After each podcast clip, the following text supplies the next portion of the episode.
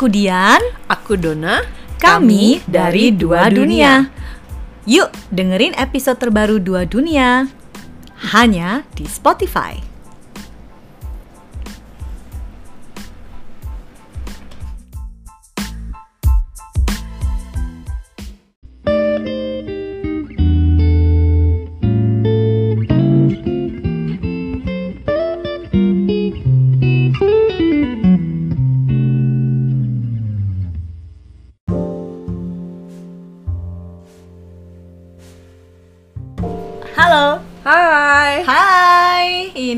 Lagi bareng kita berdua, Dua Dunia Dengan Dona. dan Dian. Apa kabarnya semua hari ini? Wow, ini kita udah memasuki bulan April 1 April 2021. dan kita eh, sekarang mau bikin eh, episode kedua. Jadi kemarin kita udah bikin intro, mudah-mudahan kalian semua udah pada denger dan udah suka, udah follow Instagram kita juga. Dan hari ini kita bakalan eh, me- apa eh, ngobrol dan membahas mengenai satu tema yang penting banget buat kita berdua terutama karena kan eh, podcast ini adalah podcast obrolan kita berdua yang biasanya kalau dalam kehidupan sehari-hari kalau ngobrol berjam-jam. Betul, betul. berjam-jamnya ngebahas macem-macem tapi terutama yang eh, kita mau highlight hari ini adalah seputar tentang healing apa sih healing itu sebenarnya buat kalian gitu? Dan kalau buat kita healing eh, beda ya. Tapi mungkin secara general healing itu adalah eh, salah satu proses untuk eh, menjadi lebih apa ya lebih balance dan lebih eh, healthy lagi. Kalau mungkin secara general. Tapi kalau buat Dona apa Don healing? Kalau buat eh, gue healing itu um, about um, growing uh, from your pain gitu ya. Um, menyembuh ya karena karena kalau kata dasarnya healing is uh, menyembuhkan gitu ya. Jadi um, menyembuhkan luka batin m- s- ya seperti itu mungkin ya. Tapi menyembuhkan luka batin ya. mungkin lebih growing from your pain gitu kali ya. Hmm, jadi be- bertumbuh dari eh, apa ya luka batin atau dari rasa sakit Iya, gitu dari ya. rasa Rasa sakitnya sakit. rasa sakit apa tuh? Um, well pastinya dari traumatic experience kali ya. gitu ya. ya. Tapi kalau buat aku sih healing em, mungkin saat ini setelah udah menjalani semua pengalaman healing berpuluh tahun dan ini beneran berpuluh tahun ya berpuluh tahun kalau bagi aku healing itu adalah mm, eh, kesadaran atau eh, awareness gitu. Mm, mm, jadi mm, kesadaran mm, atau mm, mm, awareness bahwa eh, aku butuh untuk berevolusi. Jadi it's emang berawalnya dari luka batin gitu, tapi karena ada ada kesadaran di mana kayaknya ada yang nggak bener nih gitu dalam diri yang harus aku improve gitu, yang aku harus kayaknya aku nggak bisa terus menerus mengalami negativity ini misalnya, Iya, atau iya, aku nggak iya, bisa iya, terus menerus merasa kayak Dona bilang tadi dari rasa sakit gitu Yes. aku nggak bisa setiap hari bangun tidur eh, yang awal pertama tuh Iya. pain gitu kan Iya, jadi iya, iya. itu mungkin dari Exactly, situ ada exactly. kesadaran mungkin bisa juga disebut sebagai kayak trigger gitu ya kayak yang bangun pagi kok gini rasanya kayak ada sesuatu yang mengganggu gitu kan jadi bener-bener kayaknya kesadaran untuk kayak I can't do this anymore Mhm, mungkin. Mhm, jadi di situ mungkin starting pointnya kalau bagi aku Mhm, untuk mhm, healing gitu. Jadi ngapain ya supaya aku nggak ngerasain ini lagi gitu. Iya, iya, jadi iya, itu iya, salah iya, satu definisi yang menurut aku kena banget bagi Iya, aku. iya, kenapa sampai bahkan sampai detik ini setelah udah mungkin berpuluh tahun masih merasa tetap butuh healing gitu. Mhm, butuh healing karena emang ini adalah proses yang berkesinambungan gitu Iya, ya kan? continuous. Dan mungkin nambahin sedikit juga. Jadi sebenarnya mungkin uh, makanya kita sebut ini episode tentang healing specifically ke ini kali ya, mental healing kali ya. Karena Mental there's healing. also like physical healing Bener, bener, ya bener. kan nah kalau kita ngomongin mental healing tuh berarti sembuh dari apa gitu kan? Sembuh Hmm. dari past uh, traumatic experience pastinya karena Hmm. it's inevitable gitu ya kayaknya untuk seseorang nggak mungkin ya mungkin for some those are lucky enough gitu nggak ada pas uh, traumatic experience uh, pasti ada ya tapi atau at mungkin mereka nggak nggak menyadari mereka mereka punya menyadari. gitu karena hidupnya baik-baik aja Betul, gitu betul. kayak suami aku gitu iya, iya, iya, iya. jadi dia yang kayak oh semuanya itu Baik-baik aja nggak ada problem the- positif gitu the lucky Tapi, ones I guess the lucky Yeah. ones tapi pada akhirnya em,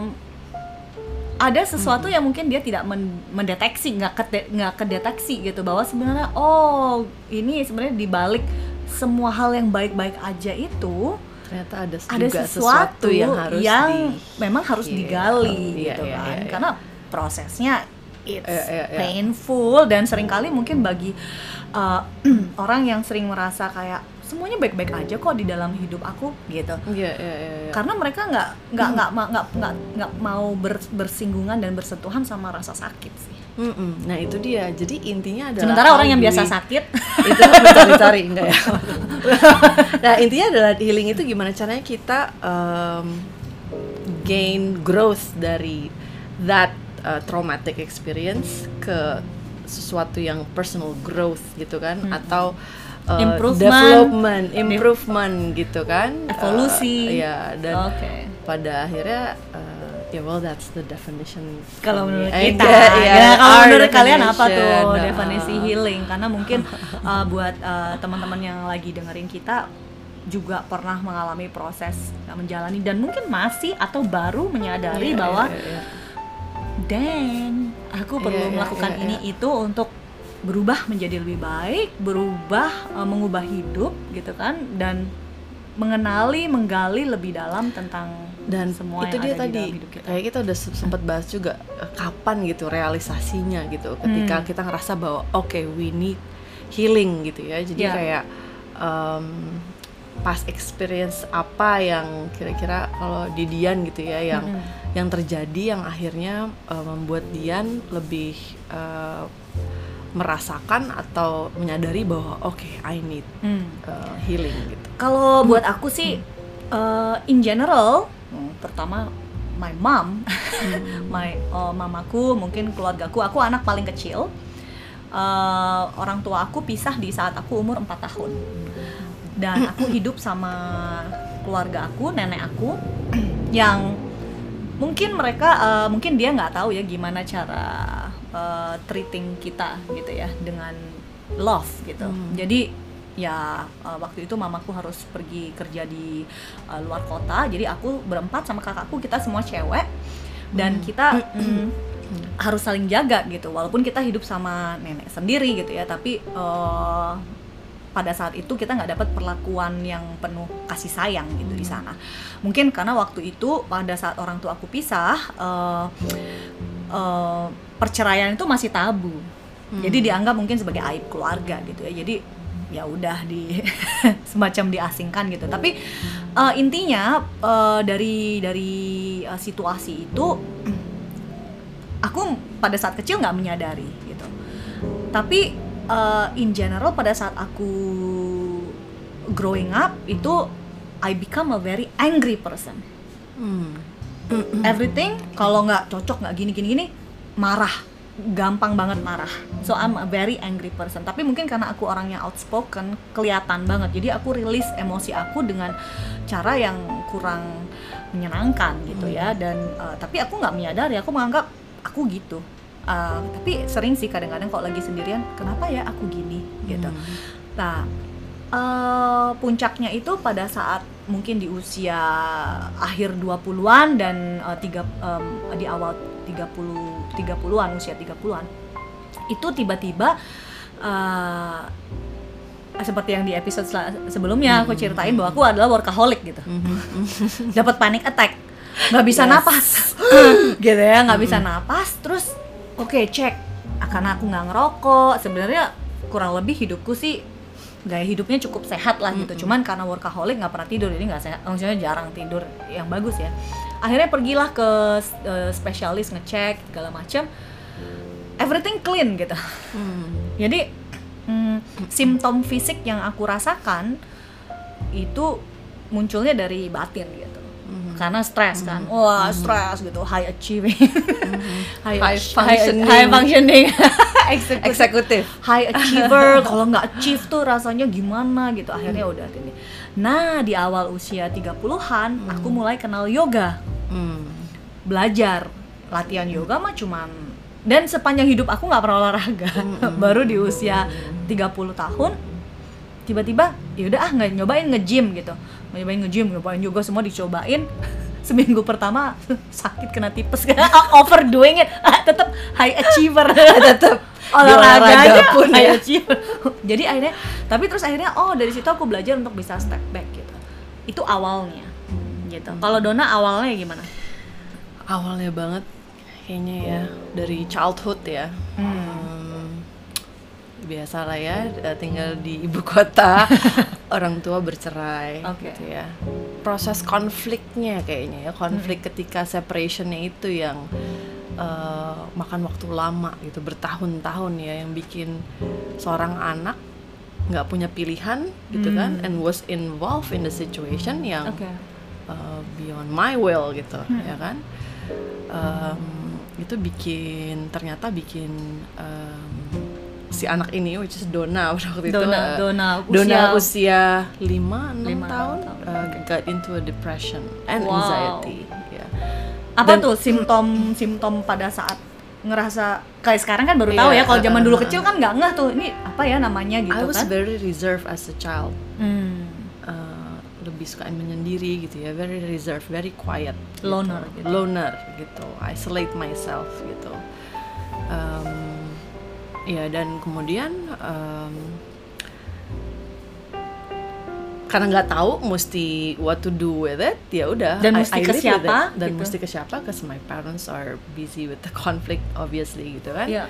um, jadi ya udah live with the depression dari kecil I live with it Hmm. Dan it Uh, tapi becomes udah you. udah iya becomes me I realize there's something isn't right tapi I don't know how to deal with it because I was a child Hmm. gitu kan. And I live with it sampai twins a teenager a young adult uh, terus. Dan um, pada akhirnya realize that I needed help was sama panic attack. Kayak kunci banget ya. Panic High attack itu bener-bener Indikasi indikasi. oke oke I need help. High functioning eksekutif ya kan dengan kok- GERD dengan panic attack oh oke oke oke I need nah itu mulai tuh parade parade healing tuh I tried this and that this and that apa awalnya pas pertama banget begitu dapat panic attack ngapain Uh, the first thing I did uh, waktu itu hipnoterapi oh aku I juga hipnoterapi hipnoterapi. Wow, oke. Jadi metode, oh kita udah ke, udah ke metodenya nih yang udah pernah kita cobain nih ya. Iya. Uh, hipnoterapi uh, was the first method itu I pas tried. pas lagi kan karena tadi Dona lima tahun. Hipnoterapi kalau dianggap Itu- sebagai awal usia berapa? Oh, was very very very late. In your 30s late 30s. wow. No, uh, 35 lah ya. Oh, 35. butuh 20 tahun. 20 tahun 20 kemudian tahun untuk bisa realize. I started to heal myself gitu through hypnotherapy and it helps gitu ya Hmm. untuk manage gitu ya bahkan hipnoterapi tuh jadi tool untuk berhenti ngerokok juga wow Yeah, so I amazing. smoking also uh, through hypnotherapy it really really helps oke kalau impactnya Dian gimana Kalau so kalau aku dari yoga ya, dari yoga eh, seminggu sekali awalnya. Itu pas pertama praktis masih sampai sekarang mungkin masih banyak yang tanya gimana ya cara mulai yoga dan ini segala macam. My answer is just simply do it gitu. Dan dari yoga itu sebenarnya paling utama kalau zaman dulu mungkin yoga nanti kita mungkin bahas deh yoga beda lagi ya Yes. episodenya. Tapi eh, di awal aku praktis yoga lebih ke, kayaknya itu ke physical partnya gitu. Tapi sebenarnya di saat kita melakukan asana dan Yeah. physical uh, exercise, that's when we get the breathing. ya And now you practice it with Yes, your uh, meditation, yes meditation and breath work breath work, Mhm. right? So breathing is the main thing. Karena dari panic attack nggak bisa nggak bisa nafas. no we need control over yourself we need to know banget. how to breathe because itu key-nya gitu. Jadi saat terus akhirnya aku juga ngambil sertifikasi jadi guru Mhm. yoga itu Ya. karena kepengen belajar lebih dalam apa sih yoga ini di di luar headstand Iya, handstand iya, iya, all iya, those iya, fancy iya, iya, pose iya, gitu ya tapi apa sih sebenarnya dan Bener, dari situ oke ada momen di mana oke gimana ya aku berubah dan aku belajar yoga nafas itu I find how to be calmer Mhm. Iya. tapi Yes. masih pemarah masih Tapi masih calmer version. calmer calmer version tapi masih pemarah gitu masih angry gitu terus abis itu mikir-mikir gimana ya caranya gitu kan ya meditasi Nah, sama bener-bener. So, Kan? yoga itu juga also uh, apa namanya entrance pertama perkenalan ke meditasi karena kan Bener. ada di ending yoga tuh ada moment of silence ya kan Uh, Savasana. savasana right itu kok uh, I found it very calming and I kept keep doing yoga actually for the savasana as I, ternyata gitu ya Yeah. I really enjoyed the meditation waktu itu belum tahu kalau itu adalah sebenarnya satu Kuncinya. eh, eh, satu kegiatan yang kalau ditelusurin lagi it's a meditation gitu kan Ya. akhirnya abis itu secara organik moving on tuh lebih ke meditasi akhirnya Iya, sekarang Karena kan. gini sih sebenarnya uh, panic attack itu banyak ka- banyak uh, sering kali muncul karena kita we don't know how to rest. Mm-mm. We don't know how to stop. We don't know how to you know the Step back. monkey mind monkey mind monkey mind. Jadi we don't know how to step back. We don't know how to relax gitu. Iya. Savasana tuh sebenarnya relaxation dan Iya, iya, iya. a lot of time gitu dan aku dulu juga hidup di Jakarta ya we don't know how to relax di jalan aja nggak bisa relax antara Senayan Senopati jarak mungkin 5 km ditempuh dengan waktu satu jam gitu how can you feel relax? Karena you waste your time gitu Iya. kan jadi Iya. uh, meditasi savasana dan juga along the way setelah aku sekarang berlatih yoga hanya 10 tahun ini ya 10 tahun lebih ini the more I get more interested gitu dengan metode-metode uh, pranayama uh, dengan metode meditasi different kind of meditation. Yeah we tried we tried different kinds really. Banyak banget. Dan yang kita coba. dan meditasi dan terus aku mulai juga uh, yoga praktisnya lebih banyak sekarang yin yoga dan restoratif. Oh, karena harus banget ngerasain yoga sama dia. Ya you. instructed facilitated by dia it's amazing let me tell you. Kalau punya kesempatan please contact her.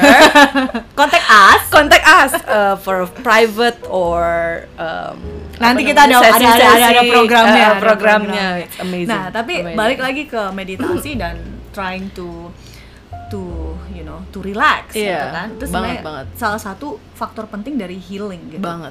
Dan gue tuh gak bisa hidup tanpa meditasi. Sekarang ini nih ya. Ya. Kalau sehari itu dalam setiap hari pasti meditasi. Kalau bisa tiga kali sehari itu meditasi sehari. gitu kan sebanyak mungkin gitu.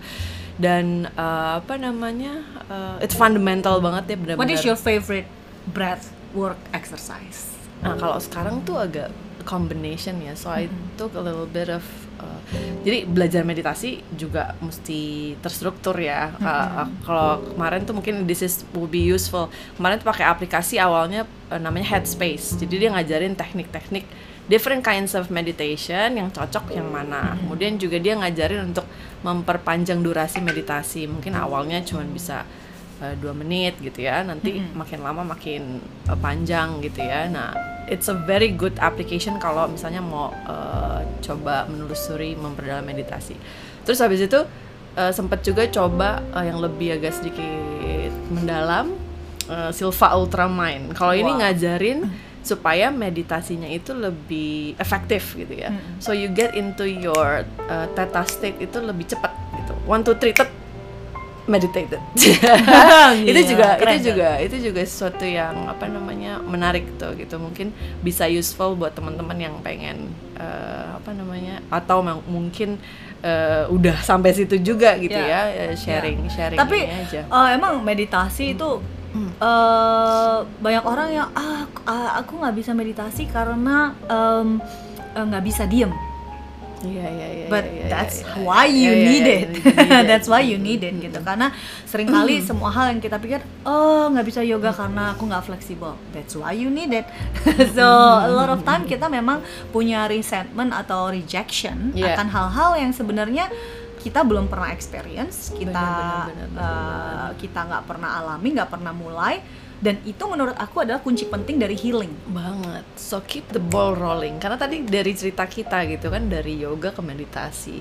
Dan dari meditasi organically kita ke breath work gitu ya, Dan dari breathwork, contohnya dari Ya. proses semua proses healing ini, di situ kita ketemu banyak orang, banyak orang yang juga sedang healing. Kita learning dari also mereka, important belajar Very dari important. mereka, dan kita mencari tahu. Mungkin ada story dan inspirasinya juga kenapa alasannya kita bikin dua dunia, karena mungkin ins- eh, story kita ini bikin kalian mungkin jadi sadar gitu, jadi aware. Oh ya, aku juga ngalamin panic attack tapi nggak pernah tahu harus ngapain gitu. Nah, mulainya dengan mendapatkan segala macam informasi yang ada di luar sana dan memulainya sekarang juga Iya, gitu, betul, being betul, open minded dan betul. kita eh, semudah kayak oke aku cobain deh Betul, gitu. Dan betul. nyoba itu kan ah yang ini nggak cocok, Yes. itu cocok, yang ini nggak ada metode yang paling benar Nggak dan ada. metode yang salah. Jadi akhirnya kalau di gue nih contohnya ya gue ngambil sedikit ini sedikit itu. Kayak I do a combination of yoga meditation and breath work. Gitu Benar. kan. Eh, sekarang lagi eh, nyobain tapping. Eh, Wah, something something tapping. new. Eh, yang lagi dipelajarin kemarin kebetulan ada sahabat baik ngajarin eh, metode tapping dan oh wow oke ah, jadi di include di morning routine nih udah mulai udah Iya, mulai iya. but just starting to to to learn about it so awesome.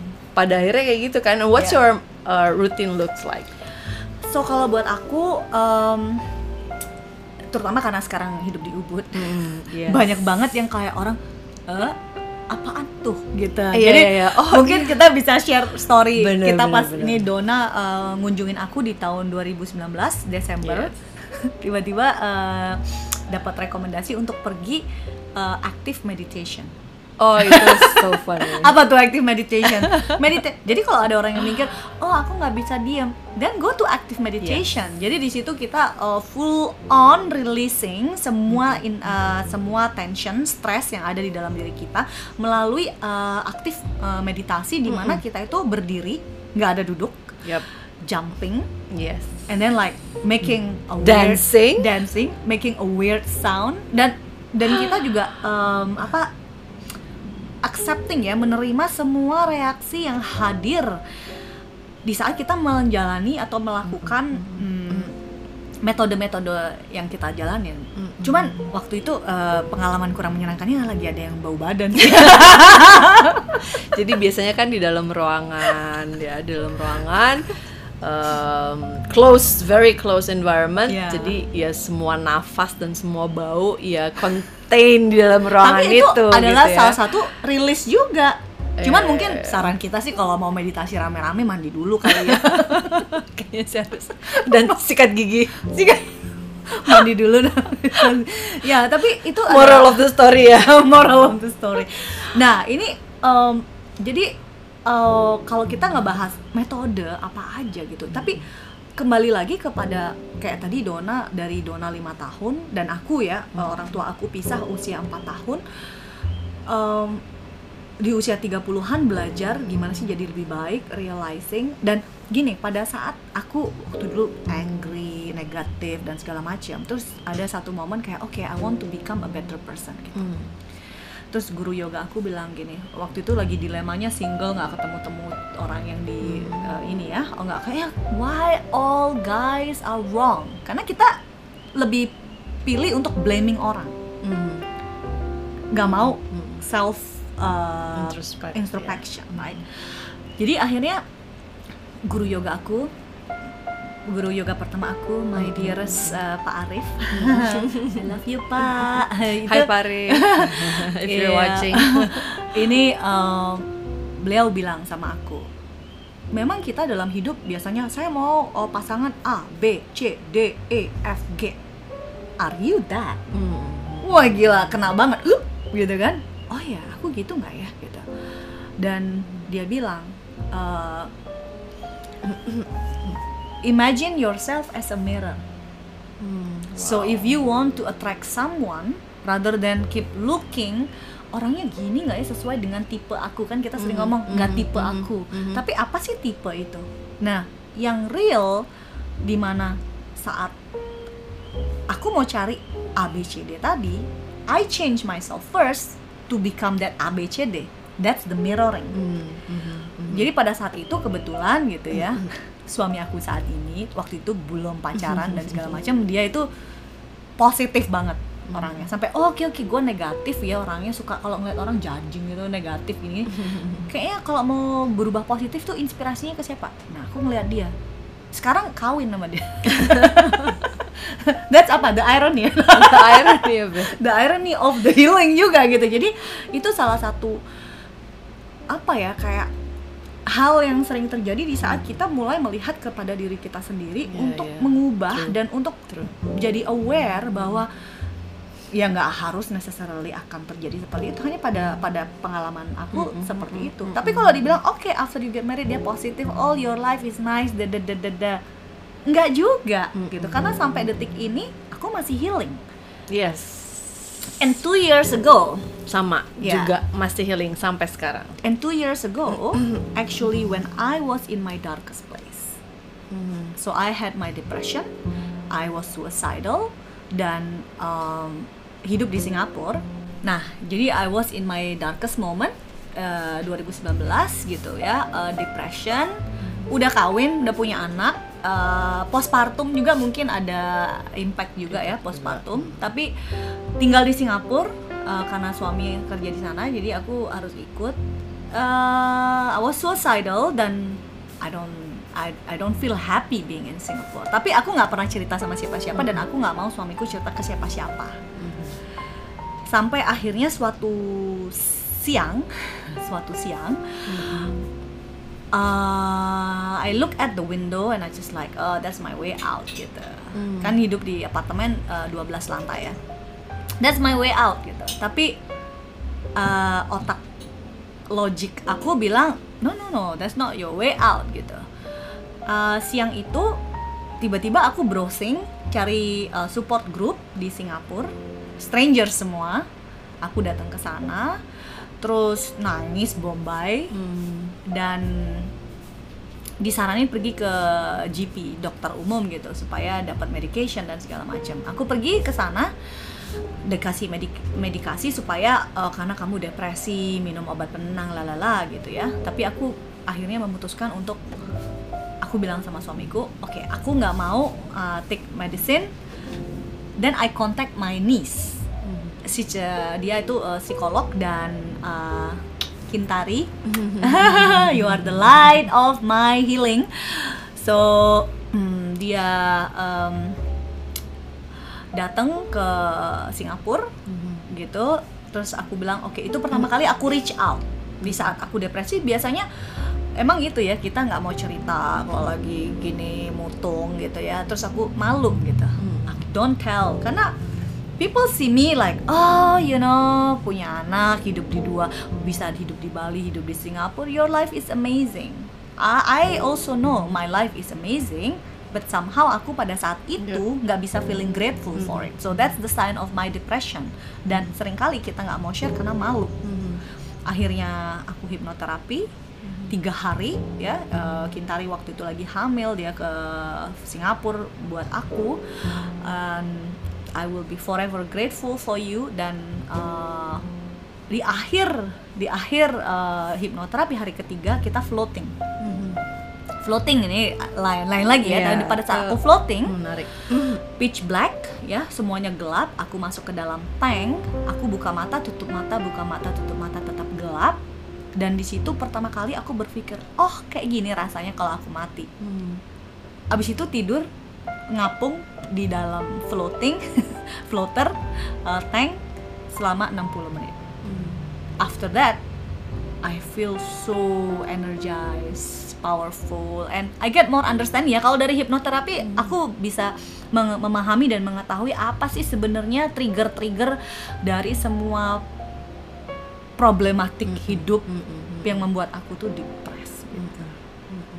Mm-mm. Thank What about you? sharing.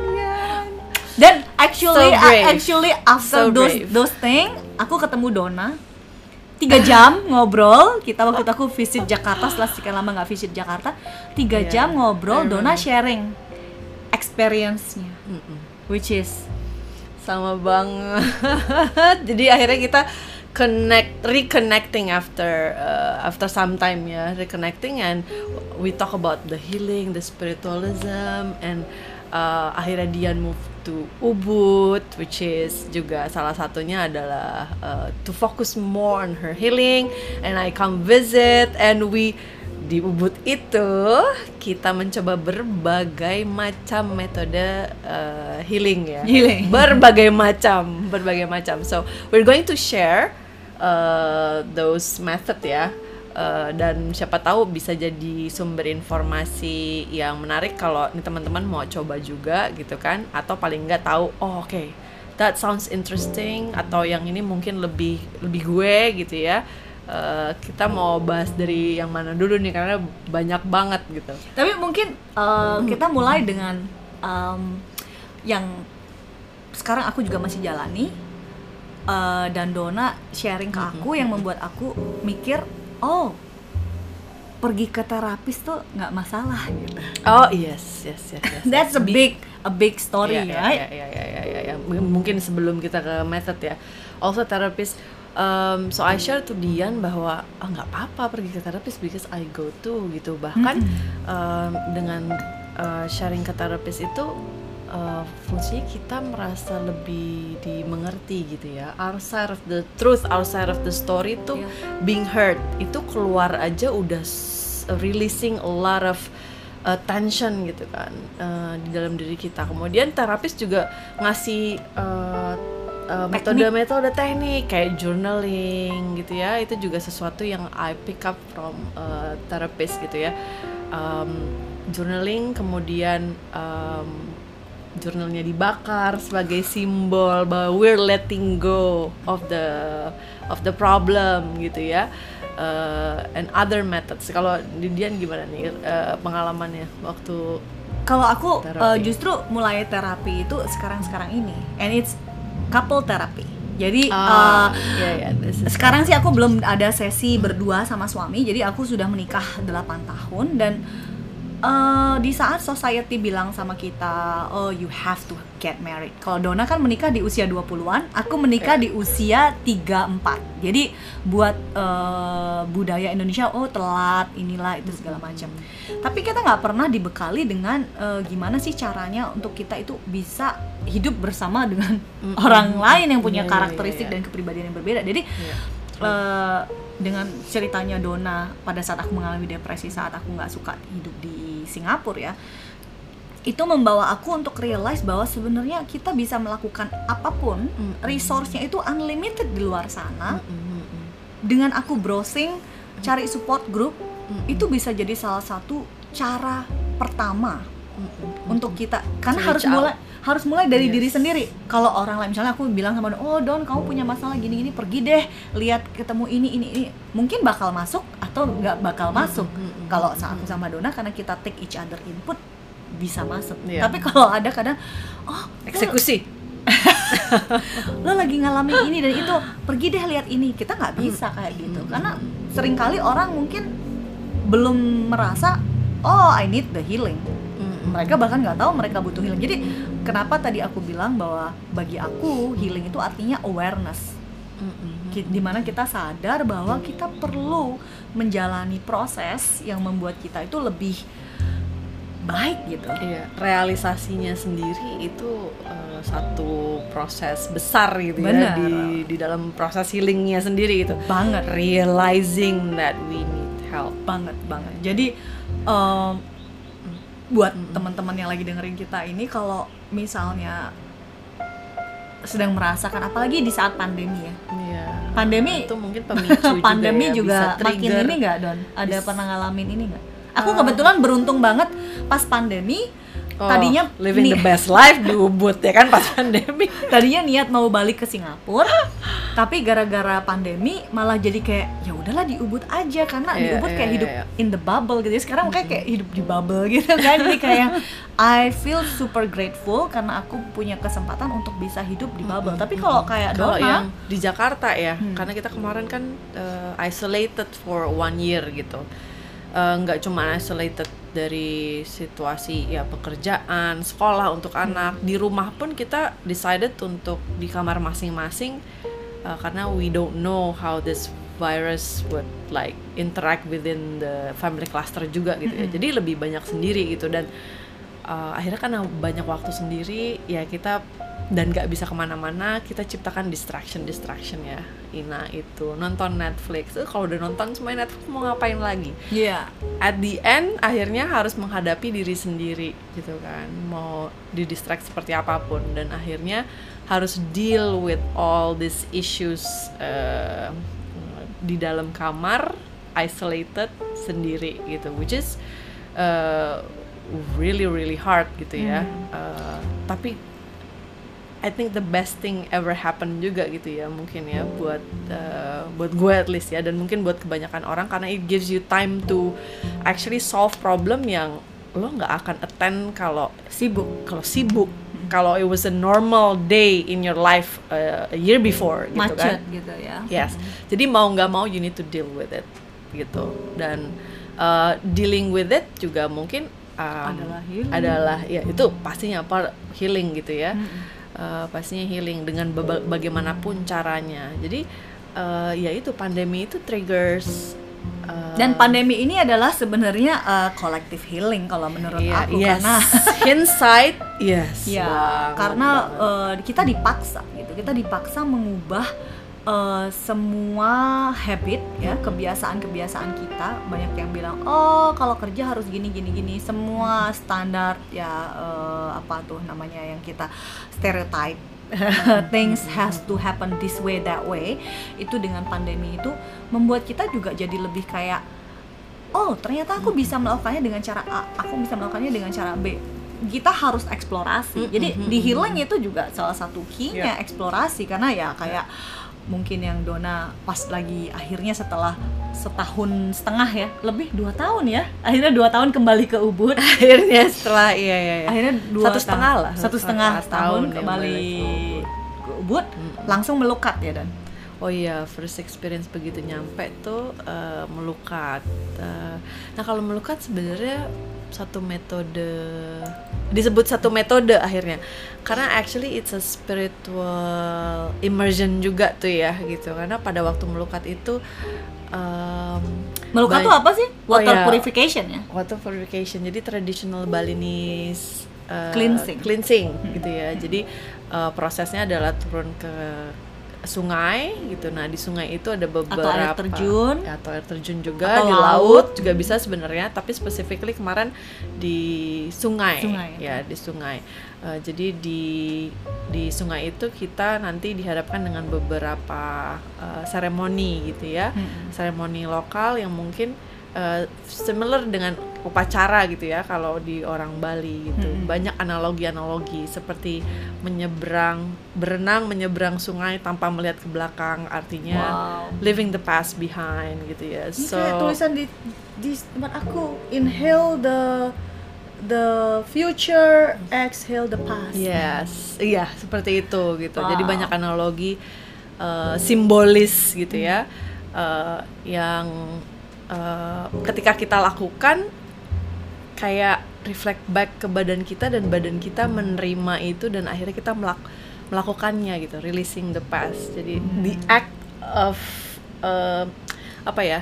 metodenya melalui uh, re- reenactment gitu Wow. ya reenactment of the the analogy or philosophy itu it's it's really beautiful dan akhirnya mengerti juga kayak it was my first upacara ya di Bali akhirnya yang oh understand why Balinese people appreciate and value their upacara so much it was so soothing it was so wonderful Powerful also. powerful uh, energi yang kita rasakan dan kita dapatkan setelah acara melukat itu tuh Ya. Uh, undescribable. Kalau ada kesempatannya teman-teman cobain deh. It's Oke. really recommended. Terus abis abis itu pas uh, setelah udah jadi uh, pas seminggu pertama Dona balik lagi visit uh, aku ke Ubud, itu kita benar-benar uh, menjalani Oh, series spirituality back to back. healing. Lagi di Ubud tapi uh, schedule schedule Jakarta. Apa aja tuh, apa aja schedule tuh? Jakarta tapi schedule healing. A, B, C penuh jadwalnya seminggu. ya kan? Mulai dari uh, sound healing, uh, ya uh, dia took me sound healing uh, dua kali ya seminggu Yoga And nidra. yoga nidra floating chanting ya kan Women's circle. women's, ci- women's circle kita ketemu sama uh, uh, death doula Apa gitu. tuh, death doula? it's- Wow, it's, it's, uh, powerful powerful banget. banget. Jadi death doula tuh um, kalau pernah dengar uh, birth doula itu orang yang bantu untuk mengasistensi ibu hamil melahirkan ya. Tapi kalau death doula ini adalah orang yang uh, mengasistensi uh, orang menuju ke ini ya, Sakratul maut. sakratul maut ya ke uh, meninggal gitu ya ke kematian gitu. Which is kalau aku prinsipalnya itu in life yang paling pasti dalam hidup itu semua hal dalam hidup nggak ada yang pasti tapi yang paling pasti kita bakal Yes. mati ya so dead dula ini itu kemarin- grounding experience banget sih ya. just having that conversation gitu ya grounding experience karena jadi membuat kita berpikir ah we really need to think about like or to be equipped gitu ya bahasanya to to know how to uh, to die to Ya. ya be ready for it dan death menurut part menurut aku gitu. juga Oh, normalizing normalizing, Normalizing death. jadi death, mungkin yes. kok di saat pandemi Amazing. juga kita kan tiap hari ngitung ya ada berapa orang yang meninggal gitu dan karena penyebabnya virus ini gitu. Nggak mem- nggak nggak bilang bahwa oh you know it's life or whatever tapi ini situasi death ada di sekitar kita itu gimana sih kita ini sebagai manusia menormalisasi bahwa emang mati akan pasti gitu. Nah ini eh, cara kita encounter death itu di cover di sini dan ini very healing banget karena membuat kita itu jadi manusia yang lebih let go. Ya acceptance. Ya aku ya dari dari dari Yes. itu sih dari dari uh, women circle yang sama death dula kita ini uh, I get more accepted and also at the same time I want to live life the fullest. Iya. Yes.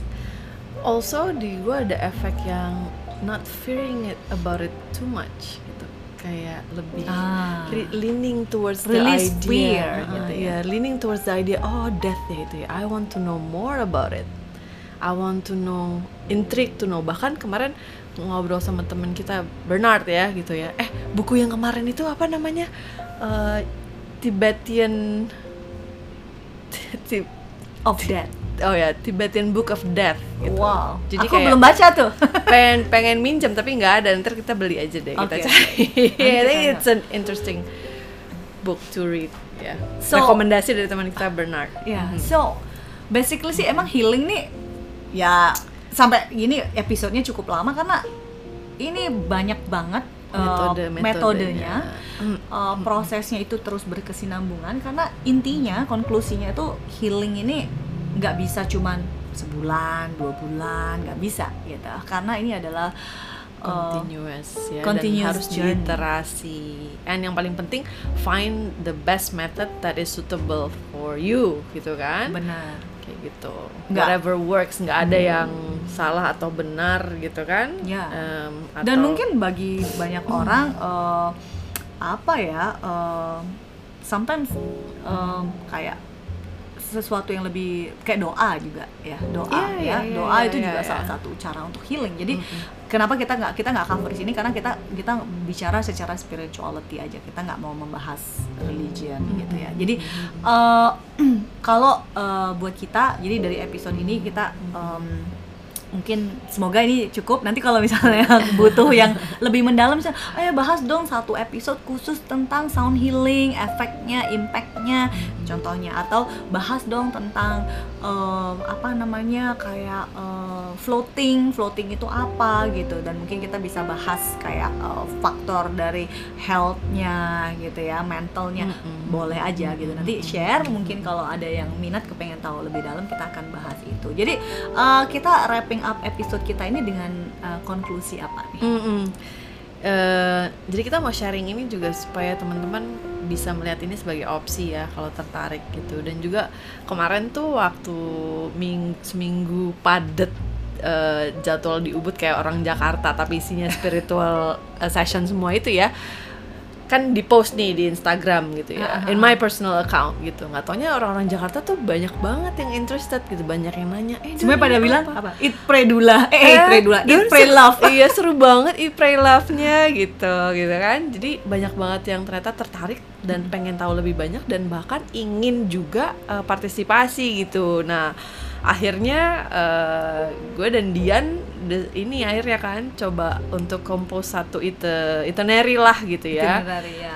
Itinerary dua dunia spiritual retreat gitu. Kita rencana akan mulai di first batch-nya nanti di bulan Mei. Ada udah ada beberapa teman-teman di Jakarta yang tertarik, Tertarik, ah. gitu kan eh, ingin ikutan spiritual immersionnya dan eh, em, apa namanya ya we'll see from there gitu. Jadi eh, mungkin itu part also of eh, eh, fungsinya dua dunia gitu ya Ya. Eh, amplifying em, apa itu eh, proses healing seperti apa dan opsi-opsinya apa dan kita memfacilitate also enabling gitu teman-teman yang ingin eh, coba Ingin eh, tahu. metode-metode healing di di Ubud Benar. atau di Bali. atau di Bali. Mm. Oke, so makasih ya kalau udah pada dengerin nih tadi aduh cukup lama juga. Thank you buat bro kita eh, Bung Bernard yang udah pinjemin kita studio buat nge-record eh, episode healing dari dua dunia kali ini dan kita bakalan bahas topik-topik menarik lainnya. Jangan lupa untuk follow Instagram 2d.2dunia supaya kita bisa dapetin pertanyaan-pertanyaan atau ide-ide menarik dari kalian dan uh, tentunya kita bakalan uh, record supaya kita bisa bahas dan kasih inspirasi buat semua yang ada di luar sana. Thank you banget for your time. Bye. Bye.